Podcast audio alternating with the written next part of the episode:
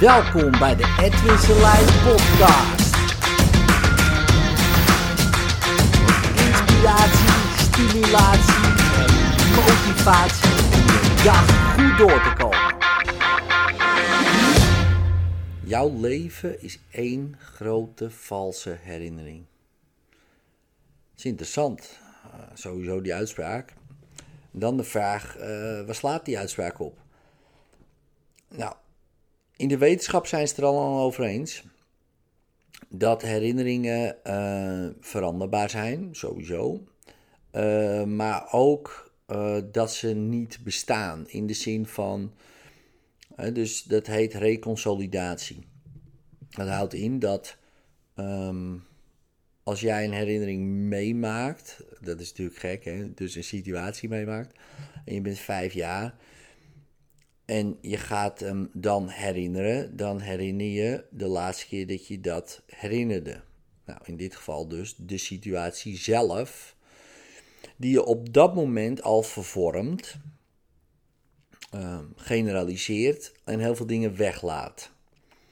Je vervormt hem ook door emotie, je vervormt door wat je gelooft over dat moment. Daarvoor vervorm je al dingen. Daarbij laat je ook heel veel dingen weg die er misschien wel waren, maar die op dat moment niet belangrijk zijn uh, in die situatie. Dus die laat je er allemaal weg. En dan ga je ook generaliseren, wat betekent dat je het gewoon allemaal over één kam gaat scheren. Bijvoorbeeld, ja, zie je wel alle jongetjes in de zandbak uh, willen me aanvallen, bijvoorbeeld. Terwijl het één jongetje was uh, die jou uh, sloeg. En misschien wel per ongeluk, maar jij had het, heeft dat, hebt dat vervormd tot een aanval. En opeens ben je bang voor alle jongetjes in de zandbak. Ik noem maar wat. Dat gebeurt niet zomaar, natuurlijk. Dat gebeurt misschien wel over de tijd heen. En dus als we kijken naar bijvoorbeeld, als je hem daarna nog een keer herinnert. Hè, stel je voor op zesjarige leeftijd Um, je bent jarig en opeens komt dat gesprek ter sprake. Weet je nog in die zandbak met die jongetjes, uh, met het jongetje. En maar er hangen slingers, er is taart en iedereen is in een vrolijke stemming. En je oom maakt er een grapje over en jij schiet bijvoorbeeld in de lach daarover. Dan wordt dat ook meegenomen in die herinnering. En de volgende keer dat je hem herinnert, stel voor je bent weer op een verjaardag, zeven jaar. Dan herinner je niet meer dat die situatie in die zandbak, maar dan herinner je dus de laatste keer dat je die herinnering herinnerde. En dat is dus op zesjarige leeftijd op die verjaardag. En opeens valt het wel weer mee. Het is niet zo dat je je oom ziet lachen of slingen ziet hangen. Maar gevoelsmatig is het wel anders. En als het dan weer een keer gebeurt. En weer een keer en weer een keer en weer een keer. En steeds voel je je beter, beter, beter, beter. Dan opeens is het gewoon een non-issue. En sterker nog, het zou kunnen zijn dat die herinnering zo vormt dat het wel lachen was eigenlijk. Of zelfs dat, hij helemaal, dat je hem niet meer kan herinneren. Dat heet reconsolidatie. Het opnieuw consolideren van het geheugen door wanneer je eraan denkt het te vervormen en weer opnieuw op te slaan. Dat is ook evolutie. want dan zijn we nog steeds bang zijn voor sommige dingen. Uh, maar dat heb je zo vervormd dat je niet meer bang bent voor bepaalde dingen. Dan zeg je ja, vroeger was ik daar bang voor, maar nu niet meer. Waarom? Um, je bent groter geworden bijvoorbeeld, dus je ziet het op een andere manier. En wanneer je het dan herinnert, vervormt die herinnering naar uh, de persoon die je nu bent. Um, dus dan lijkt het wel alsof je denkt, ja, toen ik vijf was, dit of dat. Maar die echte, dat echte moment bestaat al niet meer. Dat is al vervormd door de tijd heen. Dus in wezen, alle herinneringen zijn vals. Uh, in je hoofd. Sowieso al vals opgeslagen, vervormd opgeslagen. En dan ook nog eens door de tijd heen vervormd. Dus hoe vaker je hem hebt herinnerd, hoe meer vervormd hij is. daar komt het dan op neer. Um, ja, en dus, dus tijd heelt niet alle wonden. Uh, dat doe jij dan. En de vraag is, kan het ook erger worden?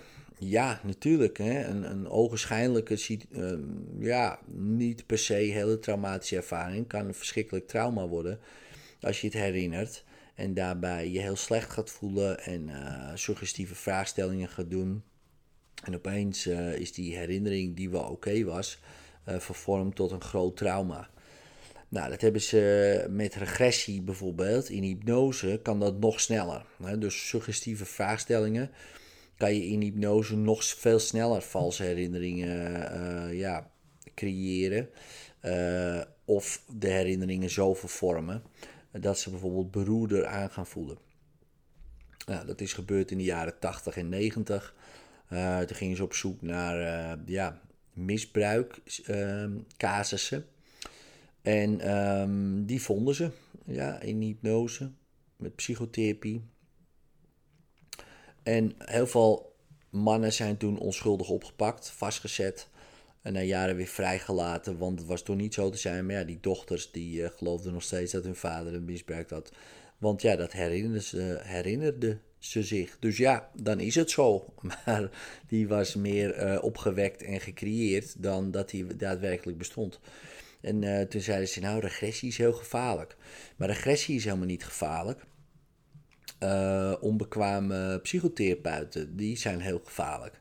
Die maar gewoon lopen te rommelen, die zijn gevaarlijk, ja. Want valse herinneringen bestaan sowieso al. En regressies doe je ook al uh, iedere dag. Als iemand je vraagt, goh, wat heb je gisteren gegeten? Ga je ook in een regressie. Dus uh, dat is in principe helemaal niet gevaarlijk om te doen. Het ligt er wel aan wat je hebt gegeten misschien en met wie en dat soort dingen. Oké, dat zou kunnen.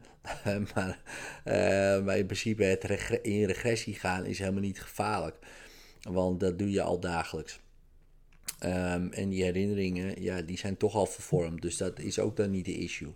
De issue is als jij natuurlijk in regressie gaat en je gaat allerlei leidende vragen stellen en valse suggesties inplanten uh, of vragen, gekke vragen stellen. Ja, dan creëer je gekke dingen. Ja, en dat deden ze, omdat ze met een vooropgezet plan al op zoek gingen. En als je dat niet doet en je gaat gewoon op zoek, uh, dan komt er gewoon iets naar boven. Wat natuurlijk ook niet per se een echte herinnering is, maar minder vals dan natuurlijk als je met een vooropgezet plan op zoek gaat. He, dat ik een voorbeeld geven. Stel je voor, uh, je gaat in regressie en ik zeg, goh, uh, in hypnose zat je wel eens bij je vader op schoot. Ja, oké. Raakt die ook wel eens aan? Wat natuurlijk al een hele aparte vraag is. Hè? Ja, raakt me eens aan. Oké, op je knie. Ja, ook wel eens hoger. Ja, weet ik niet meer. Ah, oké, dan heb je dat uh, onderdrukt waarschijnlijk. Ja, als je dat zo op die manier gaat doen, wat ze ongeveer op die manier hebben gedaan, ja, dan kan je wel voorstellen dat uh, je ermee aan de haal gaat en op een gegeven moment allemaal dingen gaat herinneren die helemaal niet bestaan hebben. Ook die helemaal niet zijn gebeurd. Want je brein die creëert dat gewoon. En dat is gewoon heel slecht. Uh, en om dan zeg maar de schuld te geven aan de techniek voor je eigen onbekwaamheid. Um, ja, dat is natuurlijk uh, interessant, denk ik dan. Ja, dus dat kwam door het idee van Freud. Hè, dat uh, alles is repressed, hè, dus onderdrukt trauma. en daar moet je naar op zoek gaan.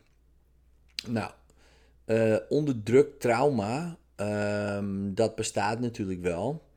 Uh, maar dan weten mensen dat wel, dat ze dat onderdrukken.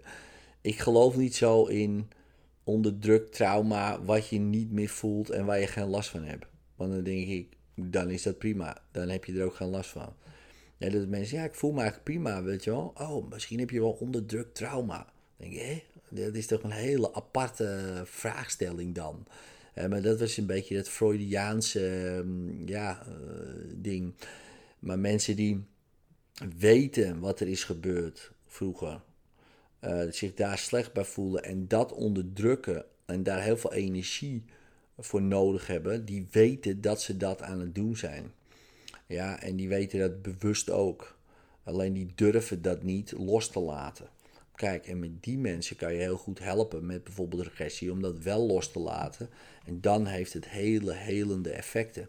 En kan je soms na 1, 2 of 3 sessies gewoon iemands hele leven gewoon compleet uh, positief veranderen. En weer op de rit helpen. Maar natuurlijk op zoek gaan naar iets wat niet bestaat. Ja, uh, dat gaat natuurlijk nergens over. en, en die valse herinneringen, om daarop terug te komen. Uh, wat zo interessant is, is dat je natuurlijk gewoon. Um, je voor je hebt een slechte jeugd gehad. dan is dat ook een valse herinnering. Want het was niet alleen maar slecht. er waren ook gedeeltes goed bij. Ehm, en als je die zou gaan generaliseren, dus gewoon dat zou van, oh, dat was goed, dat was goed, dat was goed, dan opeens heb je een goede jeugd. Weet je wel? En het is een hele andere fundering om je leven op te laten leiden. Dus ik had vroeger uh, een goede, ik heb een goede jeugd gehad. Maar is dat zo? Uh, is, heb ik echt een goede jeugd gehad? Als ik er op zoek ga wat allemaal slecht ging, ja, dan vind ik dat. En opeens denk ik dat ik een slechte jeugd heb gehad, bij wijze van spreken. Ja, dat ga ik niet doen, hè, omdat ik me prima voel bij mijn jeugd. maar ja, natuurlijk kan je daar op die manier naar kijken. En andersom ook. En natuurlijk zeg je, ja, maar Ed, ja, er zijn dingen gebeurd. Uh, dat zijn gewoon feiten. Ja, zeker. Dus natuurlijk, natuurlijk zijn er dingen gebeurd die feitelijk zijn gebeurd. Maar hoe jij ze opslaat en opnieuw herinnert, ja, dat is geen feit op zich. Dat is gewoon een vervorming uh, een weglating en een generalisatie. En we moeten maar afwachten, afvragen wat nou echt nog de feiten zijn en wat niet. En zeker als het door de tijd heen gaat, ja, wat is er daar nog van over? Ja, want uh, misschien is het wel zo vervormd uh, door de tijd heen, um, dat die herinnering, die sowieso al niet meer bestaat van vroeger, hè, omdat je alleen maar kan herinneren wat je de laatste keer herinnert, um, ja, dat we mogen afvragen hoe waar die is. En met regressietherapie bijvoorbeeld gaat het niet om, om de waarheid te achterhalen, want die is sowieso niet te achterhalen. En mensen zeggen van ja, ik wil kijken wat er echt gebeurd is in hypnose. Dan zeg ik altijd, gast, dat uh, gaat niet gebeuren. Ja, dat, uh, dat is zo, um, nou ja, lastig, weet je, om, om dat te achterhalen. Laten we zeggen, het is gewoon niet te doen eigenlijk. Want we weten niet zeker of het echt zo is. Wat we wel zeker kunnen weten, is dat als jij je heel slecht voelt bij een gebeurtenis en daar heb je nu nog steeds last van, dat we dat kunnen veranderen en dat je daar een andere kijk op krijgt, je anders bij voelt, zodat je er geen last meer van hebt. Dat is de kracht die we allemaal hebben, juist vanwege het feit dat we valse herinneringen hebben en creëren en maken en vervormen en dat soort dingen. Daarom werkt hypnose ook zo goed. Daarom werken dat soort therapieën. Daarom werkt therapie überhaupt goed. omdat, omdat je dingen kan vervormen. Anders zou je er altijd last van hebben.